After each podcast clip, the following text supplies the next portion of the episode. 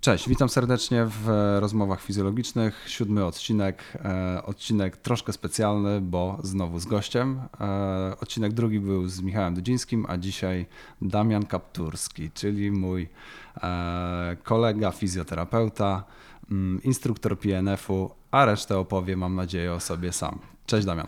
Dzień dobry, cześć. Słuchaj, bardzo Ci dziękuję za zaproszenie do tego przedsięwzięcia, bo jest to dla mnie zupełnie coś nowego. Cała przyjemność po mojej stronie tak naprawdę. Do, do tej pory częściej stałem przed kamerą, natomiast siedzenie przed mikrofonem, powiem Ci, zaczyna mi się podobać. Coś ciekawego. Tak jest. E, dobra, powiedz coś o sobie. E, takie moje pierwsze pytanie, może się przedstaw. E, powiedz, jak wyglądała Twoja ścieżka kariery, jak zostałeś fizjoterapeutą, e, jak zostałeś instruktorem PNF-u, to może być dosyć ciekawe. No więc mam na imię Damian, jestem fizjoterapeutą. O kurczę, od 2004 roku wtedy obroniłem się. I pierwsze szkolenie, jakie miałem możliwość skończyć, to był wbrew pozorom Mackenzie. Wtedy jeszcze rynek szkoleń w Polsce był bardzo ubogi, więc nie było dużo możliwości. Mógł być to albo Mackenzie, albo PNF, albo Kaltenborn. E, I jako młody fizjoterapeuta oczywiście nie miałem zielonego pojęcia, jak pracować z pacjentami, Jak ale, większość. ale dość szybko zdałem sobie sprawę, że e, szkoląc się, to podnosi standard usług, jakie jestem w stanie oferować swoim pacjentom. I kolejnym szkoleniem właśnie był PNF i ta metoda, jak to powiedzieć, najbardziej przełożyła się na moją skuteczność w pracy z pacjentami, z którymi wtedy pracowałem, a ja zaczynałem od pracy wyłącznie z pacjentami z problemami neurologicznymi. Zacząłeś się szkolić jeszcze na studiach, czy zacząłeś się szkolić już po studiach? Niestety wtedy nie było możliwości, żeby szkolić się w trakcie studiów. To wtedy chyba teraz znowu tak jest. To były jednolite studia, więc ja musiałem zostać albo magistrem, albo Okej. musiałbym się przekwalifikować, ale wtedy na szkolenia przyjmowano wyłącznie absolwentów, więc e, trochę zazdroszczę teraz tym młodym ludziom, którzy, tak jak sam obserwuję, jak pracujemy z nimi na, na kursach, oni wiedzą, jak mam siebie porównać z tamtego czasu do tych osób, z którymi teraz pracuję. Kurczę, oni wiedzą tyle, ile mnie zajęło kolejne 3 lata po, Też, po dyplomie. też mi się tak wydaje, że aktualnie jednak ten rynek szkoleń jest tak duży i takie Mhm. możliwości mają młodzi, już nie mówię absolwenci, ale w ogóle studenci, że, że ta wiedza dobrze. jest ogromna i, i w sumie to jest dobry trend w fizjoterapii zdecydowanie. Dlaczego spodobał Ci się PNF? Może to jest pytanie do Ciebie. Jakość oferowanych terapii moim pacjentom. Ja po prostu od razu, ja po studiach za bardzo nie wiedziałem, jak dotknąć pacjenta, a co dopiero popracować z pacjentem, który jest na przykład po udarze czy po urazie rdzenia kręgowego. E, Teraz też obserwuję, że ludzie czasem boją się, bo po prostu nie do końca są przekonani, że potrafią pomóc tym ludziom i boją się przede wszystkim, że zrobią im krzywdę. A to wcale nie jest takie trudne wyzwanie, żeby pracować z takimi pacjentami. I po kursie podstawowym PNF-u ja miałem konkretne narzędzia do pracy z tymi pacjentami. I ja pamiętam, siedziałem na tym kursie podstawowym i, miałem taką zajawkę, złapałem takiego bakcyla, że e, wiedziałem, że za pół roku będę na kolejnym kursie, bo to po prostu przekładało się na konkretne korzyści w pracy z pacjentami. Ja się przestałem bać pracy z tymi pacjentami, a oni byli naprawdę zadowoleni. To już nie była taka ściema, że coś tam zrobimy i tylko żeby 30 minut minęło, tylko byłem w stanie zaproponować im konkretną terapię z wyznaczaniem celów i, i tak dalej. Więc to chyba była najważniejsza rzecz. A czy przydawał Ci się PNF e, na początku tylko i wyłącznie do pacjentów neurologicznych, czy stosowałeś e, go też do pacjentów ortopedycznych albo innych kierunków Ja fizjoterapii? na początku pracowałem wyłącznie z neurologicznymi pacjentami, ale po jakimś czasie postanowiłem się przekwalifikować, zacząłem się kształcić właśnie, e, jeśli robić szkolenia, które są stricte nakierowane na pracę z pacjentami ortopedycznymi. I dopiero wtedy tak naprawdę doceniłem, doceniłem no, wartości. Akurat tej metody. O, ja zawsze to powtarzam ludziom, z którymi rozmawiam, którzy tak jak ty teraz, nie, dopytują trochę więcej o co chodzi z tym PNF-em i w pracy z pacjentami neurologicznymi, jak ktoś w ogóle unika neurologii. Pacjent neurologiczny ma wszystkie problemy, które ma pacjent ortopedyczny. Więc jeśli tak naprawdę potrafisz przygotować pacjenta po udarze, to poradzisz sobie z wieloma jednostkami ortopedycznymi. Oczywiście, jak ktoś naprawdę ma poważne problemy stricte w stawach, no to musisz mieć te umiejętności z, choćby z terapii manualnej i tak dalej. Ale pacjent neurologiczny będzie miał wszystkie problemy, które mają ci najczęściej, którzy pojawiają się w naszych pacjentach, e, pacjenci ortopedyczni. Ja też twierdzę, że pacjenci neurologiczni są dużo trudniejszymi pacjentami niż pacjenci ortopedyczni. Mm, Może nie dlatego pracuję tylko w ortopedii, ale jest to jeden z, z neurologia jest jednym z kierunków, które ja przynajmniej na studiach zawsze unikałem. Słuchaj, Tak. rozumiem punkt widzenia, aczkolwiek zupełnie się z nim nie zgodzę. E, Okay. Dlatego tu jesteś. praca z pacjentami e, ortopedycznymi, która wydaje nam się czasem, że jest taka oczywista. Nie? Widziałem ostatnio na w twoich wrzutkach, że miałeś jakieś problemy z kręgosłupem. No coś tam się zdarzyło, ale już sobie z nimi poradziłem. Jest Tam czwarty jest- dzień i jest naprawdę bardzo dobrze. Spoko. No, tam jest miliony rzeczy, które może nie działać i co gorsze, to mogą być rzeczy, o których my jako fizjoterapeuci możemy nie mieć zielonego pojęcia, że są główną przyczyną dolegliwości. No i teraz, żeby kto, komuś, kto wchodzi z ulicy do ciebie do gabinetu, nie zaszkodzić i dobrze go przekierować i nie udawać, że a, ma pan napięte mięśnie, to może zrobimy jakiś tam masaż i to panu pomoże, bo złudne jest to, że to może pomóc na 4 dni, nie? 3 Zgadza i tak się. dalej, ale permanentnie, co się wydarzy za 3 miesiące, pacjent po udarze w pierwszym okresie, tak przez 3-4 miesiące, tak naprawdę, tylko mam nadzieję, że nie powiesz nikomu więcej, cokolwiek byś nie zrobił, to pomożesz. Okej, no tak, tak jest trochę. Tak jest. Ale później rzeczywiście, żeby e, konsekwentnie i cały czas jakby być w stanie pomagać i osiągać coraz większe rezultaty, to trzeba mieć bardzo ukierunkowane A działania. myślisz, że można pracować w ortopedii dobrze, nie pracując w neurologii? Nie. Tak myślałem, dlatego zapytałem. Tak. E, Tak, takie- znaczy, takie ja, jest ja, moje osobiście, ja osobiście rozgraniczam trochę neuroortopedię od e, neurologii Mhm. i tutaj neuroortopedię, e, neuroortopedią nazywam przypadki ortopedyczne, które są powiązane z, z układem neurologicznym. Ale dlatego cię zapytałem, czy, czy faktycznie uważasz, że neurologia jest niezbędna do pracy w ortopedii? Wiesz, Bo jeśli... ja uważam, że nie, ale myślę, że... Nie, rozumiem. Jeśli mam do wyboru A lub B, tak lub nie, to ja wybieram, że nie, nie da rady pracować. Jasne. Ale y, jakby odnosząc się do tego świata ortopedycznego, dlaczego po jakimkolwiek większym problemie w obrębie stawu kolanowego, bo wiem, że to jest twój konik, tak szybko y, masa mięśniowa się zmniejsza? Inhibicja przez ból. No to jeśli nie mamy tej podstawowej wiedzy z neurologii, no to w jaki sposób możemy teraz pracować z tymi pacjentami ortopedycznymi? Bo teraz możesz mieć mnóstwo pomysłu na ćwiczenia, na zadania dla tych pacjentów. Jak zaczyna iść, spoko, ale co jeśli nie działa? Co teraz zrobisz? Wymyślisz nowe ćwiczenia? Jeśli nie znasz przyczyn, to bardziej udziwnione ćwiczenie beret, nie wiem, niestabilna powierzchnia czy cokolwiek innego, nowoczesny sprzęt za 100 tysięcy, to i tak nie będzie działać. Więc musisz umieć wiązać pewne fakty, a podstawą wydaje mi się jednak jest neurologia. Czuję, że po, na koniec tego podcastu e, zacznę pójść w neurologię. No, jestem przekonany, po to cię tu zaprosiłem.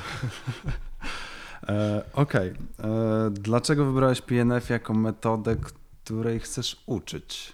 Czy uważasz, że to jest nadal przyszłościowa metoda dla młodych fizjoterapeutów? Mamy dwa pytania? Dlaczego ja uczę PNF-u? Ja e, rzeczywiście ta metoda mnie urzekła do tego stopnia, że po tym jak skończyłem wszystko, co było praktycznie do skończenia z PNF-u w Europie, e, starałem się i co mi się w końcu udało, wyjechałem do Stanów. i Jak to tam- długo trwało w Europie? Jeszcze zapytam. E, To ponad dwa lata w sumie trwa, bo to jest cykl level 4 bodajże, tak się to kończy i co pół roku można być na szkoleniu, dlatego to trochę zajmuje czasu. E, Wyjechałem do Stanów i tam zacząłem się uczyć tego od nowa i nie ukrywam, był taki moment, że jak wróciłem ze Stanów, to zwymiotowałem tą metodą, ja ją odłożyłem zupełnie na bok. Tam się zaczęła wtedy moja przygoda z Maitlandem, z Cyriaksem i z innymi koncepcjami w pracy. Twardą terapią manualną. Taką dokładnie koncepcjami stricte do pracy z pacjentami ortopedycznymi. Ale jakby nie zapomniałem o PNF-ie, bo widziałem, że ok, jeśli przygotowałem pacjenta strukturalnie, no to później trzeba było to jakoś wykończyć, bo to też się nie kończyła terapia na tym, żeby tylko komuś coś zrobić, tylko ta osoba też trzeba było jakoś zaangażować do, To do prawda. pracy. Mamy strukturę, mamy funkcję, oba muszą ze sobą współgrać. I właśnie to najbardziej mi się podoba w tej koncepcji. Jej największą bolączką jest przygotowanie na poziomie strukturalnym. Właśnie to było następne pytanie. Czy myślisz, że PNF jest e, w stanie pomóc pacjentowi, który potrzebuje pracy strukturalnej? Yy, Znowu odpowiedź AB do wyboru? Tak. Nie. Absolutnie nie. To nie jest metoda, w której jeśli główny problem jest na poziomie struktury, w którym będziesz w stanie to przygotować.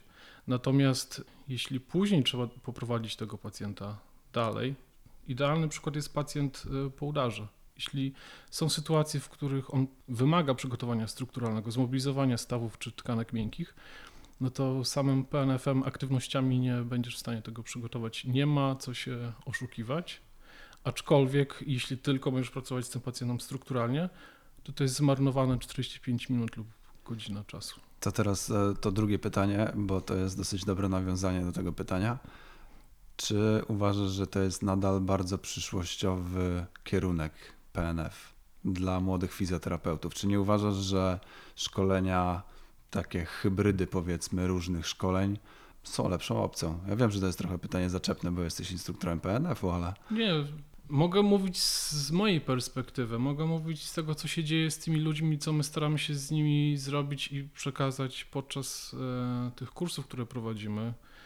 Zadanie jest takie, ty masz wyjść z umiejętnością pracy z określoną pulą pacjentów ortopedycznych i neurologicznych wbrew pozorom. Te kursy, takie hybrydy, wydaje mi się, że dają bardzo dużo narzędzi, natomiast jeśli coś trwa dwa dni, to musi zakładać, że ty masz jakieś podstawy teoretyczne. Jeśli tylko je masz, jeśli jesteś ambitną osobą i wchodzisz na taki kurs i wiesz o co wchodzi, jeśli chodzi o te podstawy, które powinieneś dostać na studiach, to na tych dwudniowych kursach jestem przekonany, że dostaniesz świetne narzędzia. E, My realizujemy jeszcze część teoretyczną, która też musi zająć trochę czasu i celem jest też nauczyć te osoby, a co jeśli nie zadziała? Jak wykombinować albo gdzie sięgnąć, gdzie popatrzeć, jeśli coś nie zadziała. Chcemy, no, jeśli PNF ma 10 dni, e, to chcemy też nauczyć trochę myślenia, nie tylko samych narzędzi, które absolutnie, jeśli potrzebujesz tylko narzędzi w ciągu dwóch dni na kursach hybrydowych dostaniesz i, i to również pomoże Ci dobrze pracować z pacjentami. Czyli wracamy do podstaw i e, dopasowujemy metodę do pacjenta, a nie pacjenta do metody. Dokładnie tak. To, o czym rozmawiamy często, znaczy, jeśli w ręku masz młotek, to wszystko, co będziesz widział dookoła, to będą gwoździe. Tak jest. Byle pacjenci nie byli gwoździami. No, Wszyscy znaczy- tymi samymi. Jeśli wiesz, jeśli e, tak jak ja widziałem po sobie, jeśli miałem taki okres, gdzie sam szkoliłem się wyłącznie, tak jak to wspomniałeś, już z twardej terapii manualnej, no to ja rozwiązywałem te problemy właśnie przez pryzmat tej twardej terapii manualnej, łącznie z manipulacjami na długiej dźwigni z Cyriaxa i była pula pacjentów, Ja też, je, to działało. ja, ja też je robiłem i wcale się tego nie wstydzę i e, powiem szczerze, że też miałem wyniki jakieś tam lepsze lub gorsze, u niektórych pacjentów lepsze, u niektórych gorsze, ale też na długiej dźwigni manipulowałem i też się udawało. Zawsze przyjdzie jakaś cholera, na której to nie zadziała później. Po, po kilku latach stwierdzam, że naprawdę trudno jest uszkodzić pacjenta, e, pracując na długich dźwigniach. No, E, Ale to też myślę, że te, te, takie terapie dają trochę odwagi w pracy w innych e, terapiach, nawet tych lżejszych, gdzie, gdzie jesteśmy w stanie po prostu wyciągnąć więcej. Z, wiem, że to źle zabrzmi, ale wyciągnąć więcej z pacjenta, może tak. Czyli z innych metod, które, które są bezpieczniejsze i e, w które jesteśmy w stanie wejść po prostu mocniej albo z większą amplitudą.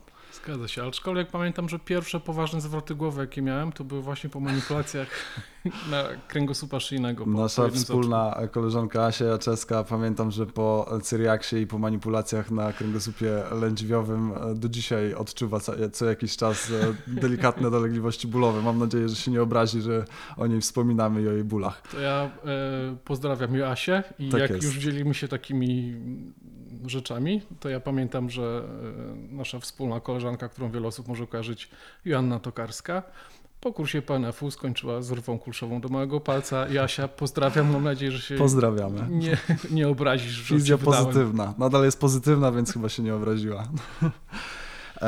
Okej, następne pytanie. Dla kogo jest PNF? E, Kto według Ciebie najbardziej skorzysta z tego typu szkolenia? Częściowo już odpowiedziałeś, jak Ty korzystałeś, ale może e, czy jest to tylko metoda dla osób, które są zainteresowane neurologią, trochę ortopedią, czy jest to metoda dosyć uniwersalna w innych przypadkach również? Z tego, co obserwuję i tak jak ja bym też marzył sobie, to żeby na kursie pojawiały się przede wszystkim osoby, które chcą pracować z pacjentami i które mają pierwszy taki opór, żeby dotykać pacjentów, bo czasem takie mam doświadczenia, że no, nasi koledzy po fachu w ogóle nie dotykają pacjentów, że tylko albo dyktują, liczą do 10, albo są zmuszeni, żeby gdzieś, nie wiem, podwieszać pacjentów, albo gdzieś, żeby podłączać jakiś prąd, co absolutnie rozumiem też wielu osobom pomoże. Ale e, to, czego mnie ta metoda nauczyła, to był pierwszy taki kontakt, jak dotykać pacjenta, jak prowadzić jego ciało w sytuacji, gdy on nie do końca, e, mówię o pacjencie, nie jest sam w stanie wykonać ruchu. Więc te osoby, które mają takie zainteresowania, Ja powiem szczerze z własnego doświadczenia po PNF-ie, żeby obronić trochę pracę ortopedyczną. A ty byłeś na PNF-ie w ogóle? Byłem na podstawowym i na tym skończyłem. Okej, rozumiem. E, Dla mnie, ja może nie rozumiałem wtedy PNF-u, bo powiem szczerze, po latach trochę go do, zacząłem go doceniać. E, Nie powiem, że chciałbym do niego wrócić i od podstaw się go z powrotem uczyć, ale dla mnie on był zbyt schematyczny. A wiem, cię że. To, zaciągnę na mój kurs podstawowy. no właśnie tak podejrzewam, że po prostu miałem słabego instruktora. Nie powiem, kto Ej. był moim instruktorem, ale albo może po prostu byłem za młody, żeby to zrozumieć. Z różnymi metodami tak było, że po latach po prostu dochodzi się. Nie wiem, czy ty też tak masz, że po latach, e, jak wracasz do jakiejś metody, to stwierdzasz, kurczę, to było całkiem mądre szkolenie, a ja w ogóle kompletnie z niego zrezygnowałem i w nie poszedłem dalej. Wiesz co, co się przydarzyło, ja po latach to doceniłem, to to, że ja e, jak byłem młodym fizjoterapeutą, świeżo po studiach i skończyłem PNF, to ja trafiłem do miejsca CKR w Konstancinie. Wtedy tam było 15 fizjoterapeutów, którzy pracowali z pacjentami. Ja byłem najmłodszy w tej grupie i oni wszyscy już byli po kursie rozwijającym. Ja, będąc na sali, miałem możliwość obserwowania, co oni robią z tymi pacjentami. Mówię, kurde, rzeczywiście, jeszcze to było na kursie, to było na kursie. Nie jesteś w stanie spamiętać wszystkiego. Między innymi to może też być ta przyczyna, że my czasem dopiero po wielu latach doceniamy pewne rzeczy, które się pojawiały na kursie. Dlatego też wdrożyliśmy pewną rzecz na, na kursach, które prowadzimy. To jest jednak duże szkolenie, prawda? Ile trwa dni podstawowy i rozwijający, pamiętasz? To jest łącznie 75 godzin zegarowych, jeśli chodzi o kurs podstawowy. Rozwijający to jest kolejne 35 godzin szkolenia. Okej. Wiem, że jest też podział na PNF w neurologii i PNF w ortopedii, oddzielne dwa szkolenia. Tak, to są kolejne wyższe poziomy, w których, bo kurs podstawowy przedstawia podstawowe założenia koncepcji i te podstawowe narzędzia terapeutyczne. Na kursie rozwijającym zdaje się egzamin, w którym tak naprawdę uczestnik pokazuje, że on już potrafi wykorzystywać te narzędzia i każdy kolejny szczebel jest czysto kliniczny, gdzie rozwiązujemy konkretne problemy. W przypadku neurologii to będą pacjenci z konkretnymi jednostkami, udar, uraz rdzenia kręgowego na poziomie odcinka szyjnego, w zależności od poziomów C5, C6, C7, kręgosłup piersiowy, lędźwiowy i tak dalej, i tak dalej. Tak samo w ortopedii problemy kolan barków, kręgosłupa lędźwiowego, stopa, kolano. A Robiłeś PNF w wodzie? Nie, to jest jedyny kurs, na którym nie byłem chyba z PNF-u. I wiesz co? I nie było mnie jeszcze na pediatrii Agnieszki Stępień. Muszę się wybrać kiedyś chyba. Ale to nie są takie oficjalne kursy, których program został e, zweryfikowany i zatwierdzony przez IPNFA. Okej. To właśnie dlatego. Okej, czyli to są dodatkowe rzeczy, które gdzieś tam zostały zorganizowane, ale nie są oficjalnymi takimi certyfikowanymi przez, przez Tak, Światową tak. Organizację. Ponieważ e, no, każdy z instruktorów oprócz tego, że jakby no, oni robią nam dość mocne pranie mózgu, żeby zostać instruktorem, to nie jest tak, wiesz, dwa dni zabawy i okej, jesteś instruktorem, możesz prowadzić te kursy, tylko to jest jakiś proces. E, Każdy z nas ma też jakieś doświadczenia swoje kliniczne w pracy z pacjentami i Agnieszka, tak jak na pewno większość ludzi szczególnie ci, którzy kończą warszawską uczelnię, jest świetnym specjalistą od pediatrii, więc ona pokazuje, jak wykorzystywać koncepcję w pracy z e, małymi pacjentami. Ilu jest instruktorów PNF w Polsce? Wiesz co, w chwili obecnej wydaje mi się, że jest nas siedmioro, może ośmioro, wydaje mi się, że jest nas e, siedem osób, ale jest kilku, chyba drugie tyle jest asystentów. Okej, czyli jest tych, którzy zaraz być- tak, będą instruktorami. Łącznie z Asią, naszą właśnie wspólną koleżanką. Jedną i drugą. Jedną i drugą, Obie, tak? są, obie Okej. są asystentkami. Tak. Okej, to nie wiedziałem, że Asia Tokarska również. tak. E, Jeśli jesteśmy już przy szkoleniach mm, i o, trochę o przyszłości fizjoterapii, co myślisz o osteopatii? Czy jest to kierunek może, na który ty zdecydowałbyś się zaczynając aktualnie przygodę z fizjoterapią? Wiesz co, ja akurat jestem w trakcie pisania pracy, jestem na piątym roku. A, Okej, tego nie wiedziałem, sorry. Studiuję, nie, nie szkodzi. E, Studiuję na FIKO w Warszawie. E, Dlaczego się wybrałem? To może odpowie na, na Tak, Twoje to jest pytanie. dobre nie? pytanie. Bo w fizjoterapii to jest nigdy niekończąca się historia. Zawsze przyjdzie pacjent, któremu nie będziesz w stanie pomóc, więc szkolić się można całe życie. I ja tak zauważyłem po sobie, że średnio co 4, co 5 lat gdzieś ktoś mi w ogóle przewartościował światopogląd i system się walił. Po prostu nie byłem w stanie poradzić sobie z konkretnymi pacjentami, zaczynałem szukać dalej. I w końcu przyszedł, e, wydaje mi się, na mnie czas na osteopatię. Jest to zupełnie inne podejście do pracy z pacjentami. Z mojej perspektywy wciąż tutaj będziemy się obracać na poziomie struktury, aczkolwiek jeśli ja jako fizjoterapeuta patrzyłem na pacjenta ortopedycznego przez pryzmat układu nerwowego oczywiście, kości i mięśni, to osteopatia dodała mi spojrzenie w kontekście takich problemów jak homeostaza, allostaza, żywienie, wpływ narządów wewnętrznych na problemy ortopedyczne i to, co jest e, tak bardzo tworzyło mi oczy, funkcjonowanie układu krwionośnego, jaki to może mieć wpływ. Więc jakby jest to rozszerzenie tego punktu widzenia na, na, na pacjenta, przez pryzmat na niego, jego patrzymy. Aczkolwiek zdaję sobie sprawę, że moi koledzy przyszli po fachu osteopaty, czasem latają na dywanie, co nie do końca Tak, mi odpowiada. Troszkę tak. Ale to myślę, że jeśli ktoś ma rozsądek i trochę doświadczenia, to wie, jak weryfikować to, co jest. Znam też wielu fizjoterapeutów, którzy Też latają na trochę, dywanie. to trochę przesadzają, więc y, jak we wszystkim konieczny jest zdrowy rozsądek. A no, jeśli już jesteśmy przy osteopatii, jako prawie, że już absolwent osteopatii, uważasz, że ta metoda przydaje się u pacjentów świeżych ortopedycznych, pooperacyjnych na przykład? Oj, zdecydowanie tak. Zdecydowanie tak. Przede wszystkim ca- e, świadomość procesów gojenia się tkanek, w jaki sposób można na to wpływać w sposób pośredni, co dla mnie to znowu, ja, ja jestem przysiągnięty PNF-em, ja wszędzie widzę PNF. To się idealnie dla mnie łączyło, bo w PNF-ie chodzi o pracę pośrednią na początku, żeby nie dotykać miejsca, które jest problemem.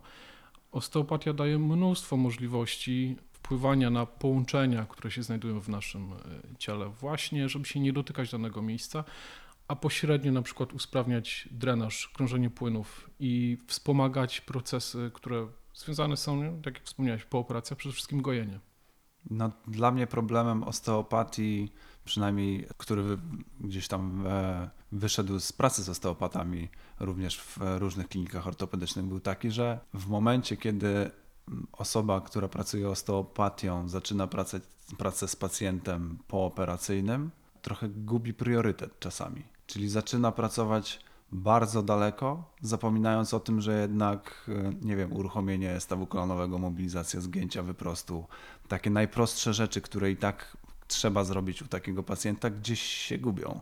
I w pewnym momencie e, ci terapeuci, przynajmniej z mojego doświadczenia, znajdują swoją drogę gdzieś po czterech tygodniach i się okazuje, że jest trochę za późno na mobilizację zgięcia albo wyprostu, który, który idzie już bardzo ciężko, bo skupili się na przepływie, na wszystkim innym dookoła. Ja osobiście miałem możliwość pracy z młodym pacjentem po rekonstrukcji ACL-a, który był prowadzony właśnie przez osteopatę i on był świetnie przygotowany na poziomie strukturalnym, natomiast jak trafił do mnie, to on się bał poruszać. To nie potrafił zaktywizować mięśnia czworogłowego, co On- robi on się miał- na początku. On, on chyba był, w, nie chciałbym teraz przekłamać, ale to na pewno było więcej niż 4 miesiące po zabiegu. On miał fobię poruszania się, strach. Na poziomie strukturalnym był idealnie przygotowany, więc y, wydaje mi się, że to, no jak, jak wspomniałeś już, nie? zdrowy rozsądek. Tak, nie, nie to jest absolutnie, I ja nie, nie neguję. Nie, nie, nie, nie wolno zapomnieć o tym, że kurczę, masz mnóstwo narzędzi jako fizjoterapeuta, których tych pacjent też potrzebuje. I tyle.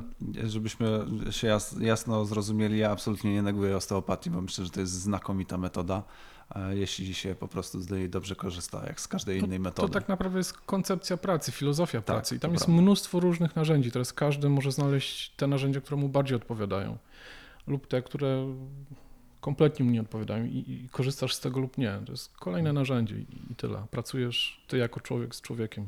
A co jest aktualnie twoim takim zawodowym konikiem? E, No bo wiem, że neurologia, ale czy masz coś takiego, w czym uwielbiasz pracować, a czego nie cierpisz i nie lubisz? Ja w chwili obecnej piszę pracę na temat stwardnienia rozsianego, więc e, właśnie dzisiaj pół poranka spędziłem nad wartowaniem doniesień naukowych, więc to poniekąd musi się stać moim konikiem. Bardzo lubię pracować z pacjentami po udarze. Nie wiem, czy nie jakoś do tej pory e, Nie, na siłę nie będę wymyślać pacjentów, których jeśli mogę. Ja na pewno nie pracuję z dziećmi o to, więc to jest taka grupa pacjentów, z których jak mogę, to unikam. Przynajmniej w czymś się zgadzamy. I od razu, od razu deleguję do, do innych osób, bo, bo dziecko nie jest miniaturką osoby dorosłej. To jest zupełnie inna Tak, anatomia, zupełnie inna fizjologia, zupełnie inne emocje. To jest y, inny rodzaj pacjenta. Nie, tutaj i chyba nigdy nie mów nigdy, ale musi chyba dużo wody upłynąć, jeśli ktoś mnie przekona do tego, żebym ja mógł, mógł zaczął pracować z pacjentami. No, z własnego doświadczenia też ja e, przerażony trochę jestem e, na przykład koncepcjami, które dotyczą i e, osób dorosłych i dzieci praktycznie tą samą pracą. Nie wiem, strzelam, ale wiem, że niektórzy terapeuci FDM-u na przykład, tak powiem, zabierają się za manipulację dzieci po krótkim kursie 10 czy 15 dniowym. No, nie wiem ile trwa FDM, okej. ale, ale to już dla mnie jest trochę, trochę przesadą. No i myślę, że tu trzeba też znaleźć swoich pacjentów po prostu i nie, Nie zabierać się za wszystko. No, To dość śliski temat. Ja Tak. generalnie, no nie będę się wypowiadać, ale nie, dzieci są tą grupą, którą nie, jak mogę, to oddam i, i nie podejmuję się kompletnie. Dlaczego wybrałeś pracę w jednoosobowym gabinecie? Bo akurat aktualnie masz e, swój gabinet, prawda? Nie, wiesz co, ja pracuję w e, gabinecie u znajomej, ale to jest rzeczywiście teraz taki trzyosobowy e, skład, gdzie tam spotykamy się z pacjentami, aczkolwiek nie chcę zapeszać, bo jestem po pierwszych rozmowach, być może będzie jakiś transfer lub rozszerzenie działalności. Do większego zespołu. No zdecydowanie do większego. A jakie widzisz plusy w e, pracy takiej gabinetowej, powiedzmy, w małym zespole? Bo ja powiem szczerze, że mm, pracuję od prawie od zawsze w, dużych zespołach i, i to mnie ciekawi po prostu, dlaczego niektórzy terapeuci wolą pracować w, w pojedynczych gabinetach, w, w takim, że tak powiem, zaciszu domowym prawie, że e, we własnym, e, no tak, no powiedzmy. No. Jasne. Y, Jak zaczynałem pracować, to pracowałem na open space, czyli takiej dużej, otwartej przestrzeni. Y, I teraz praca z takimi, w takich warunkach z pacjentem neurologicznym jest bardzo trudna, bo te osoby mogą mieć duży problem z koncentracją czasem. Nie wszyscy, ale niektórzy mogą. Czyli to jest bardziej profil pacjenta. O tym Tak, decyduje. tak, od tego, od tego bym zaczął. Ja zauważyłem, przechodząc do pracy później na taki bardzo intymny gabinet, że ja byłem mniej zmęczony. Mnie męczyła praca, w sensie, bo to wiadomo, zawsze ktoś do kogoś się odezwie, coś się wydarzy. Układ nerwowy twój musi sobie poradzić z tymi impulsami, z tymi bodźcami. I ja nagle poczułem, że byłem w stanie w bardziej efektywny sposób pracować, na przykład z 10-15 pacjentami i nie byłem tak zmęczony. Więc to jest to. Aczkolwiek, e, tak jak na początku już wspomniałem gdzieś w międzyczasie, pracując w takich otwartych przestrzeniach, jesteś w stanie popatrzeć, co starsi, bardziej doświadczeni koledzy robią. Albo nawet to nie musi być ktoś starszy, no, ktoś, kto świeżo wrócił ze szkolenia, na którym ty byłeś milion miesięcy temu, coś ci się przypomni, więc są zawsze plusy dodatnie i plusy ujemne tego. Tutaj jeśli chodzi o neurologię, a jeśli chodzi o ortopedię, czy znajdujesz też tutaj duże plusy? Na przykład, nie wiem, przy pracy z pacjentami ze stawem kolanowym, że masz niewielką przestrzeń i jesteś w stanie indywidualnie popracować? Wiesz co, wydaje mi się, że tu ważny jest e, komfort pacjenta. Gdybym ja leżał na stole i, i miał być w jakikolwiek sposób obnażony, no bo jednak trzeba się rozebrać do tego, no to mogę mówić ci, że słuchaj, nie ma problemu, tak? Będę leżeć w bieliźnie, czy tam w samej koszulce, czy krótkich spodenkach, ale obserwuję po niektórych pacjentach, że oni podświadomie na tych otwartych e, przestrzeniach czuli się zawstydzeni, a ciało będzie reagować. Wchodzisz w stan walki, ucieczki i układ współczulny przy współczulnym zupełnie inaczej działa, co ma wpływ na procesy gojenia się, więc to może czasem też warto wziąć pod uwagę. Aczkolwiek pacjenci, którzy widzą, że ktoś, kto jest w gorszym stanie, robi trudniejsze, trudniejsze ćwiczenia, e, ma dodatkowy bodziec do motywacji, więc to zawsze plusy dodatnie i plusy ujemne. Nie, nie, nie ma czarno-białej odpowiedzi. Żeby sytuacji. obronić open space'a, da się to rozwiązać. Znaczy to są jakieś przepierzenia, Znaczy, tak? tak, oczywiście. Nie jest to idealne, ale, ale ma to faktycznie też parę plusów. Oczywiście, że tak. Bardzo ciekawe, bo, bo ja zawsze się zastanawiałem, dlaczego część fizjoterapeutów i wydawało mi się, że to jest bardziej czynnik ekonomiczny niż czynnik pacjentowy, może tak, Mhm. mm, decydują się na, na pracę w małych gabinetach i to czasami zaraz po studiach. Nie wiem, czy jak uważasz, to jest dobry pomysł, żeby fizjoterapeuta młody, mało doświadczony, e, który jest bardzo ambitny, tak? Robi dużo kursów, dużo szkoleń, uczy się, e, śledzi nowinki, ale nie pracuje na samym początku w większym zespole. Czy, czy myślisz, że to ma sens? No wydaje mi się, że w takiej sytuacji rezygnuję z potężnego narzędzia, jeśli chodzi o, o podwyższanie swoich umiejętności. Jednak e, grupa ciągnie o wiele szybciej i więcej można się nauczyć od innych ludzi, przebywając z nimi, obserwując ich i jakby podświadomie chłonąc pewne rzeczy, niż czytając książki. A co myślisz o specjalizowaniu się w poszczególnych przypadkach czy chorobach? Czy w przypadku takiego jednoosobowego gabinetu ma to sens i przyszłość? Takie ograniczanie się powiedzmy do poszczególnych jednostek chorobowych? Okej, okay. właśnie chciałem doprecyzować, czy pytasz o specjalizację w fizjoterapii, czy nie, pytasz nie, o jednostki o, chorobowe? Raczej jednostki chorobowe. Ja nie jestem przekonany, że w fizjoterapii akurat problem na przykład kolana jest problemem wyłącznie kolana. Z pewnością, jeśli. Ja nawet, nawet jestem przekonany, że nie. Zresztą e, kiedyś miałeś taki wykład. E, przypomnieliśmy sobie, e, Zgadza kiedy się, się. poznaliśmy. Tak, w 2015 do, roku. Do dzisiaj z konferencji. 2015 pamiętam nawet nazwę tego wykładu, gdzie kolano niewolnikiem stopy i biodra. Dokładnie tak, dokładnie tak. Ale no, idźmy dalej tym samym pomysłem. Wiem, że są moi znajomi naprawdę bardzo fajnie rozwinęli gabinety, w których zajmują się wyłącznie problemami w obrębie obszaru głowy i stawu skroniowo-żuchwowego. Gabinety zajmujące się stricte problemami uroginekologicznymi, więc w takim kontekście Dosyć tak. specyficzne jednostki. Tak, to są jakby to jest obszar ciała, ale jestem przekonany, że te osoby widzą powiązania z całym kręgosłupem, jeśli chodzi o staw skroniowo-żuchwowy w jedną i w drugą stronę. Natomiast specjalizowanie się w problemach łąkotek, czy specjalizowanie się w problemie na przykład więzadła krzyżowego, no to bym miał większy dystans do tego. Mhm. Czyli otwarta głowa i Tak, raczej, raczej tak. Również na neurologię, mój drogi. Okej, okay. zaczynam się przekonywać. Przejdźmy teraz do pytań o Twoją stronę, o Twój portal. Skąd pomysł na terapię funkcjonalną? Bo Damian, nie wszyscy wiedzą, ale, ale jest twórcą i właścicielem e, portalu Terapia Funkcjonalna. Tak. E, moja przygoda w ogóle z blogowaniem zaczęła się w 2008 roku. Kiedyś e, ten serwis miał zupełnie inną nazwę. Nie będę podawał, bo to. Znajdziemy to w historii. W internecie nic nie ginie. To ja to zlecę komuś, żeby pewne rzeczy usunąć. Na początku chodziło tylko o to, żeby wyrzucić siebie ze strefy komfortu, bo polecam wszystkim osobom, które chcą się rozwijać, prowadzić systematycznie bloga. Jeśli się, Ja też. jeśli się wstydzą, to ok, nie publikujcie. To może być gdzieś tam niedostępne lub dostępne w bardzo ograniczonym zakresie, ale to jest świetny pomysł na to, żeby się zmusić do znalezienia materiału, opracowania go, przygotowania. Zresztą ty wiesz najlepiej, ile godzin trwa wpis, który ma powiedzmy 1024 Zgadza się. znaki. Czasami tworzony jest przez kilka dni, No. kilkanaście, a czasami trzy miesiące. I wtedy tak naprawdę zaczynasz zdawać sobie sprawę, e, jak głęboki jest ten temat i zaczynasz go rozumieć jeszcze bardziej. Więc to był mój pierwszy pomysł na to. Po to to powstało, żeby Czyli 2008 rok. tak, w 2008 To roku. jeszcze nie było blogosfery w Polsce praktycznie. Byłeś prekursorem, podejrzewam, jeśli chodzi o fizjoterapię. Fizjoterapeutycznej blogosfery chyba tak, nie było. absolutnie. Jeszcze nie było, tak. I też wtedy zaczęła się moja przygoda z kanałem na YouTubie i chyba najczęściej hejtowany film, który nagrywałem o trzeciej w nocy, czyli ślizgowy model skurczu mięśnia poprzecznie prążkowanego, gdzie ja zdaję sobie sprawę, że mówię takim głosem jak speaker radiowy o 12 w nocy na Chili Z i usypiam. Ale ja się naprawdę wtedy stresowałem. E, Musiałem się nauczyć wielu rzeczy, jak pracować z kamerą, jak pracować przed kamerą, jak to prowadzić. To były moje początki. Ja specjalnie tego nie usuwam. Niech to sobie tam wisi, bo mm, nawet teraz dostaję komentarze, że ten film pomógł nam i wiem, że to są ludzie z gimnazjum, którym udało się zrozumieć pewne e, rzeczy, jak, jak to może funkcjonować. No i tyle. I tak, tak zaczynałem. To była ciekawość, czy byłbym w stanie to zrobić. Pomogło mi się to rozwijać jako fizjoterapeuta, a później tak naprawdę przerodziło się w jakieś dodatkowe źródło przychodu.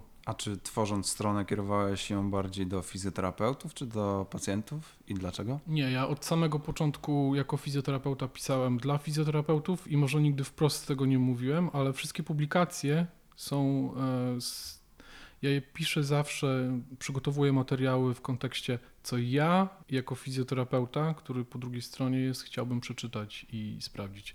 Aczkolwiek to bardzo pomogło mi w zdobywaniu kolejnych y, klientów, y, pacjentów, którzy dzwonią, mówią, że znaleźli mnie właśnie dzięki jakiemuś filmowi. Wyprzedziłeś mają-. Nie mają zielonego pojęcia, o czym ja tam mówię, ale bardzo im się podobało i właśnie dlatego postanowili skorzystać z moich usług. A czy aktualnie duża grupa Twoich pacjentów pochodzi z bloga? Czyli e, znalazło Cię przez stronę internetową? Czy to jest jakoś tam część Twojego marketingu, powiedzmy, takiego fi- fizjoterapeutycznego? Czy raczej są to już pacjenci, którzy marketingiem szeptanym od e, słowa do słowa przechodzą między sobą? Wczorajsza pacjentka, która pojawiła się w gabinecie, jest idealnym przykładem na to właśnie, że znalazła mnie przez internet. W chwili obecnej ja nie prowadzę w ogóle takich statystyk. Może powinienem zacząć. Ilu pacjentów mam przez nagranie wideo, ale na przykład wiem o takich zależnościach, że przychodziła do mnie długo pacjentka, która znalazła mnie dzięki wideo i ona mi cały czas poleca. Więc teraz, czy osoby, które poleciła są z wideo, czy są z polecenia? Trudno ciężko, to, trudno ciężko to określić, tak. ale to, to, czasami są, jest nie do rozgraniczenia, ale to są takie łańcuszki powiązań, że, że chyba warto dołączyć to do swoich jakby działań marketingowych, jeśli ktoś prowadzi swoją działalność i, i swój gabinet. A jakie są według Ciebie najbardziej przyszłościowe kierunki rozwoju fizjoterapii w internecie? Czy to są nadal blogi, vlogi, podcasty, live'y, social media? Bo ja mam na to swoją mocną opinię, ale nie wiem. Jeśli jak- chodzi o blogosferę i jeśli, generalnie jeśli chodzi o działanie w internecie, o tak, co, co, co najbardziej Ci skutkuje takim pozytywnym odbiorem, czy, czy dobrą informacją, dobrym, dobrą opinią o Tobie, może tak? Ja jestem przekonany, że ludziom nie chce się czytać, bo mnie się nie chce czytać w internecie też. To, to nie będę ukrywał, tak? Powiem szczerze, bardzo dobrze ogląda mi się anglojęzyczne materiały wideo i to jest przyszłość moim zdaniem, dlatego ja głównie działam w strefie bardziej wideo niż audio, aczkolwiek podobają mi się te mikrofony, które tutaj rozstawiłeś. Tu Cię zaskoczę, bo ludzie lubią czytać. Naprawdę. Tym Okej. bardziej o fizjoterapii. To może, może w takim razie zaniedbałem trochę tą Ja, strefę. ja osobiście, jeśli mam coś przeczytać albo obejrzeć film, to jednak wybieram e, część pisaną. Ale Wiem, co, że jestem w mniejszości, podejrzewam. Ja Mhm. jestem, e, jestem młody, ale jestem starej daty, może tak. rozumiem. Czyli jednak wolę tą tradycyjną wersję e, pisaną. Mm, Teraz mówię ze strony powiedzmy pacjenta, Mhm. e, bo nienawidzę YouTube'a. Serio? Serio. Dlaczego? Ja, ja tam słucham tylko muzyki.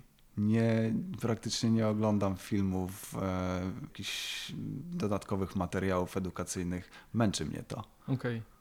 I wybieram często pisane. Myślę, że część e, pacjentów też, ale wiem, że duża, duża, duża większość podejrzewam, że jednak to jest film. To może jeśli chodzi o, o pacjentów. Natomiast ja wielokrotnie dostałem taki feedback od fizjoterapeutów. Byłem stary, wiesz co, co nie obejrzałem twojego filmu, ale jak jechałem od pacjenta do pacjenta, to w samochodzie go przesłuchałem.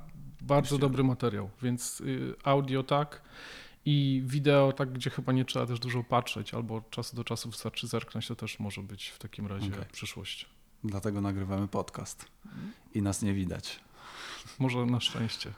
E, jakie kierunki fizjoterapii są dla Ciebie najbardziej przyszłościowe i dlaczego aktualnie? Jak, jak myślisz? Co będzie się rozwijało najszybciej w następnych latach? Mógłbyś doprecyzować? Chodzi ci kierunki w Kierunki ortopedia, jako- neurologia? Tak, jako, no, jako kierunki pracy z pacjentem właśnie. Ortopedia, neurologia, nie wiem, uroginekologia, stawy skroniowo-żuchwowe, Wiesz co, cokolwiek wymyślisz. Tutaj trzeba by popatrzeć na epidemiologię, bo wydaje mi się, że to rynek wymusi na nas, ale jeśli miałbym jakoś wymijająco odpowiedzieć na to pytanie, to ja przewiduję, i to wtedy będzie na Twoim podcaście, że polską fizjoterapię czeka to, co stomatologię. Bardzo współczuję kolegom, którzy no, gdzieś tam widuję zdjęcia, jak w czarnych koszulkach muszą walczyć o swoje i, i są w mniejszych miejscowościach i niestety mogą pracować tylko w jednym szpitalu, ale wydaje mi się, że e, na każdej ulicy będzie prywatny gabinet I w tym kierunku też życzę nam, żebyśmy się rozwinęli. Tak wydaje mi się, że to jest jedyny słuszny kierunek, żeby to się rozwinęło, aczkolwiek ja nie lubię rozmawiać o polityce, nie angażuję się w te rzeczy, więc Okej. chętnie zakończę Bardziej- temat polityki. Bardziej, e, w tym pytaniu bardziej chodziło mi o kierunek, w którym, który jest jeszcze niszą w fizjoterapii polskiej, czyli niszą pacjentów, którzy nie mogą znaleźć specjalistów. Hmm. No, wydaje mi się, że coraz więcej powstaje właśnie tych gabinetów dla pacjentów z problemami uroginekologicznymi. To jest bardzo ciekawa nisza, bo ci pacjenci, jest ich naprawdę dużo, a to sam temat w Polsce był tematem tabu. Więc coraz częściej osoby, wydaje mi się, które mają problemy uroginekologiczne, będą się zgłaszać i szukać tej pomocy, bo to będzie nagłaśniane coraz bardziej. No i te stawy skroniowo-żuchwowe, od których wszystko się zaczęło, bo to nagle się pojawiła jakaś taka nisza, współpraca stomatologów z fizjoterapeutami, wow. A to rzeczywiście dobrze może działać ze sobą. Myślę, że to jeszcze faktycznie raczkuje, ale, ale ma bardzo duży potencjał. Jeśli stomatolodzy będą na to otwarci, a myślę, że będą na to otwarci i już są, to Znaczy my też tutaj w. Warszawie jesteśmy w takiej bańce, bo ja pamiętam, że przynajmniej z 10 lat temu, e, jak w Warszawie pojawił się pierwszy stomatolog, który zaczął szukać fizjoterapeutów. Ten pan przyjechał ze Stanów Zjednoczonych i otworzył właśnie pierwszy taki profesjonalny gabinet ortodontyczny. I to on, e, między innymi na Szolce Rogozińskiego, prowadził wykład dla fizjoterapeutów, w którym miałem okazję uczestniczyć, jak może wyglądać nasza współpraca. To spokojnie był 2008 rok, tak mi się wydaje. A teraz przecież już wszyscy fizjoterapeuci, fizjoterapeuci są świadomi tego, że mogą współpracować ze stomatologami i niejednokrotnie miałem też telefony od stomatologów, czy nie byłbym zainteresowany nawiązaniem współpracy. Jeśli chcecie posłuchać trochę, jak wygląda taka współpraca e, stomatolog-fizjoterapeuta, to rozmawialiśmy z Michałem Dudzińskim też jakiś czas temu. Podcast chyba drugi albo trzeci, nie pamiętam, e, nie będę kłamał. Także polecam też przesłuchać. Tam oprócz e, samego przedstawienia Michała też rozmawialiśmy właśnie o fizjoterapia, stomatologia. Myślę, że to warte uwagi również. Czy uważasz, że treści internetowe w przyszłości zastąpią niejako szkolenia stacjonarne dla fizjoterapeutów? Nie, to Czy tylko je uzupełnią? Nie, to w żadnej dziedzinie nie nastąpi. Korzyść szkolenia stacjonarnego jest taka, że wychodzisz z niego z konkretną umiejętnością. Przez ileś tam dni czy 10 godzin pod okiem kogoś, kto jest bardziej doświadczony, jakby chłoniesz to doświadczenie i ta osoba jest w stanie cię skorygować i to jest to coś, co jest niezastąpione. Masz taki kilkudniowy, kilkunastogodzinny mentoring i to jest, wydaje mi się, najlepsze e, jakby źródło zdobywania umiejętności, a nie wiedzy. Wszystkie inne media są tylko po to, żeby zdobyć wiedzę, ale umiejętność zdobywa się na placu boju, w praktyce. a to są właśnie takie eksperymentalne warunki, szczególnie jeśli na szkoleniach są e, zorganizowana, jest zorganizowana możliwość pracy z pacjentami, więc absolutnie nie, to się wszystko będzie uzupełniać. Takie jest moje zdanie. Ja myślę, że to jest bardzo mocno rozwijający się trend jednak te szkolenia online. Osobiście sam też zdecydowałem się ostatnio na szkolenie online. Wiem, że to nie jest e, idealne rozwiązanie dla osób, które już mają duży warsztat praktyczny. To myślę jednak, że to są, to są fajne rozwiązania, żeby uzupełnić może sobie trochę wiedzę, czy przypomnieć parę rzeczy, o których się już pewnie zapomniało. Wiem, że tworzysz u siebie również e, płatne treści typu webinary. E, W jakiej tematyce dokładnie? I ortopedycznej, stricte tam jest jeden webinar, który odbył się, był właśnie na temat Twojego konika, stawu kolanowego. E, Jest materiał na temat pracy z pacjentami neurologicznymi, tam jest na co zwrócić uwagę w przypadku pracy z e, kończyną górną, kończyną dolną.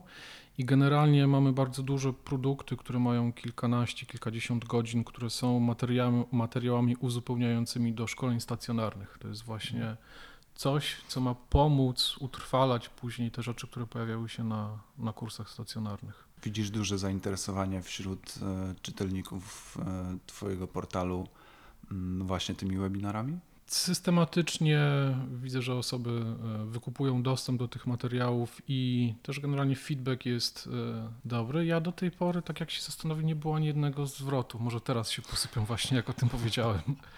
Co chyba też świadczy o tym, że te, ta wiedza w, w przystępnej cenie chyba spełnia swoje warunki, które ja sobie założyłem, żeby to jednak było użyteczne dla ludzi, nie tylko po to, żeby gdzieś tam wisiało. Po prostu jest jakościowe, podejrzewam, dlatego. Ja mam taką nadzieję. Aczkolwiek osobiście czuję niedosyt i pracujemy nad tym, żeby podnieść poprzeczkę, rozwinąć wszystkie te materiały. Okej. Pytanie personalne. Mhm. Po co głodówki?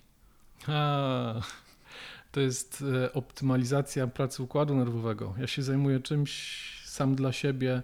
Być może kiedyś e, zacznę się dzielić tymi informacjami. To się ładnie w języku angielskim nazywa biohacking. Natomiast dla mnie to jest czysta optymalizacja e, kognitywna i powiem Ci, że na przykład e, na przestrzeni ostatnich 12 miesięcy miałem okazję dwa razy głodować. Raz 3 dni, raz 5. Ja się świetnie czułem. Byłem naprawdę produktywny i szczerze polecam wszystkim. Na, Naprawdę. PN, na PNF może mnie namówisz, ale na głodówkę pewnie nie. E, Jak przyjdziesz na PNF, to mam swoje sposoby, żeby dalej z Tobą rozmawiać. Trzymał o za słowo. kwestiach. Jak balansujesz pracę zawodową i czas wolny od pracy? Oprócz głodówek oczywiście. I w jaki inny sposób dbasz o swoją kondycję jako fizjoterapeuty?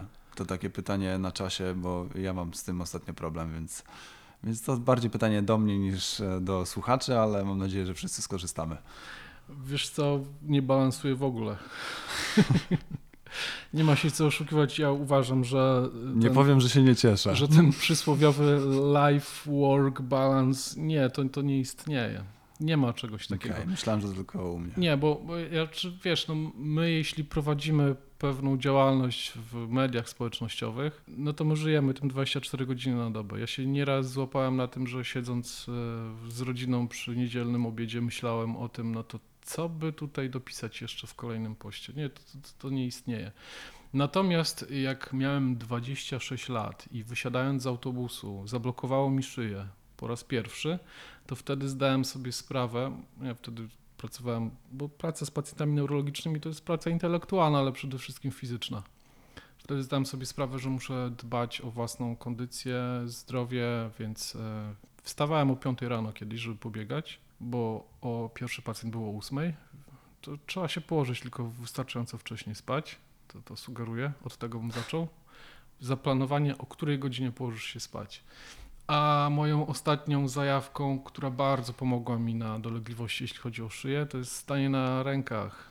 Widziałem właśnie challenge. Szczerze, Najpierw chyba szczerze był kil, kilkudniowy, kilkunastodniowy, a teraz Tak. się roczny zrobił. Na początku miało być 30 dni, ale po 30 dniach zauważyłem, że tak mi się spodobało i zauważyłem taki progres u siebie, że teraz jest 365 dni ze staniem na rękach. W jaki sposób wpływa to na twój kręgosłup szyjny? Wiesz co, no nie mam żadnych problemów, bo kiedyś rzeczywiście tak raz do roku musiałem korzystać z pomocy kolegów, po prostu zablokowało mi szyję i nie byłem w stanie ani w jedną, ani w drugą stronę obracać głową, ale teraz już jest bez żadnych problemów i generalnie czuję się świetnie, czuję się bardzo dobrze, jeśli chodzi o, o, o- sprawność fizyczną. Polecam. Większość z nas codziennie staje na głowie, żeby nasi pacjenci byli zdrowi. No, to A teraz oprócz tego można stawać na głowie dla siebie. dokładnie, bardzo, bardzo dobre spostrzeżenie. Dwa ostatnie pytania. Dwie książki, które chciałbyś polecić fizjoterapeutom, to One prawdopodobnie zupełnie nie będą... nie, nie muszą być związane z fizjoterapią. Zupełnie nie będą związane z fizjoterapią. Jedna książka, polski tytuł to jest chyba jedna rzecz, One Thing. O tym, jak ważne jest koncentrowanie się tylko i wyłącznie na jednej rzeczy. To była jedna książka. A ostatnia książka, którą czytam, e, to jest jej tytuł Jak zostać mistrzem, która pokazuje, jak długa jest droga do tego, żeby być naprawdę w czymś dobrym i pokazuje życiorysy wielu ludzi, których znamy, od Leonarda da Vinci na przykład. I wtedy to mi dało takie poczucie, kurczę, ten facet też zmagał się z tymi samymi problemami, z którymi my na co dzień musimy. Więc to, to chyba będzie kolejna książka, którą polecił. Okej. I drugie pytanie. Najgorszy mit fizjoterapii dla ciebie to? Że masujemy. To jest najgorszy mit dla wszystkich fizjoterapeutów. Uniwersalny. Chyba tak. Chyba, chyba jednak y, no my się czujemy bardzo niedoceniani, a wkładamy w to dużo zdrowia, serca i wysiłku również intelektualnego. I, i wydaje mi się, że właśnie no ci pacjenci, którzy musieli skorzystać z naszej e, pomocy, dopiero wtedy zauważają, że kurczę, że to jednak ta fizjoterapia to trochę więcej niż ten masaż. Tak jest. Także pacjenci, pamiętajcie, masażysta, fizjoterapeuta i fizykoterapeuta to trzy różne specjalizacje. Damian, bardzo, bardzo Ci dziękuję za, za ten To ja bardzo podcast. dziękuję. Myślę, że, że bardzo fajnie wyszedł. Mam nadzieję, że Wy również skorzystacie z, z wiedzy Damiana, bo te odpowiedzi były świetne i mocno zaskakujące w niektórych momentach. Ja wiem, że, że jeśli chodzi o fizjoterapię, to często się między sobą niewiele zgadzamy tak naprawdę, bo mamy różne punkty widzenia na tą fizjoterapię, ale właśnie o to chodzi. E, I wydaje mi się, że to jest cała siła fizjoterapii, że dwie osoby mające kompletnie inne punkty widzenia mogą e, w bardzo fajny sposób leczyć pacjenta i doprowadzić tego pacjenta do sprawności. E, I to chyba jest clue tego podcastu. Także jeszcze raz serdecznie Ci To ja dziękuję. dziękuję za tą miłą atmosferę, jaką wprowadziłeś i, i te bardzo ciekawe pytania. Dzięki bardzo. Serdecznie zapraszam do następnych podcastów. Dzisiaj to wszystko. Pozdrawiamy i do usłyszenia.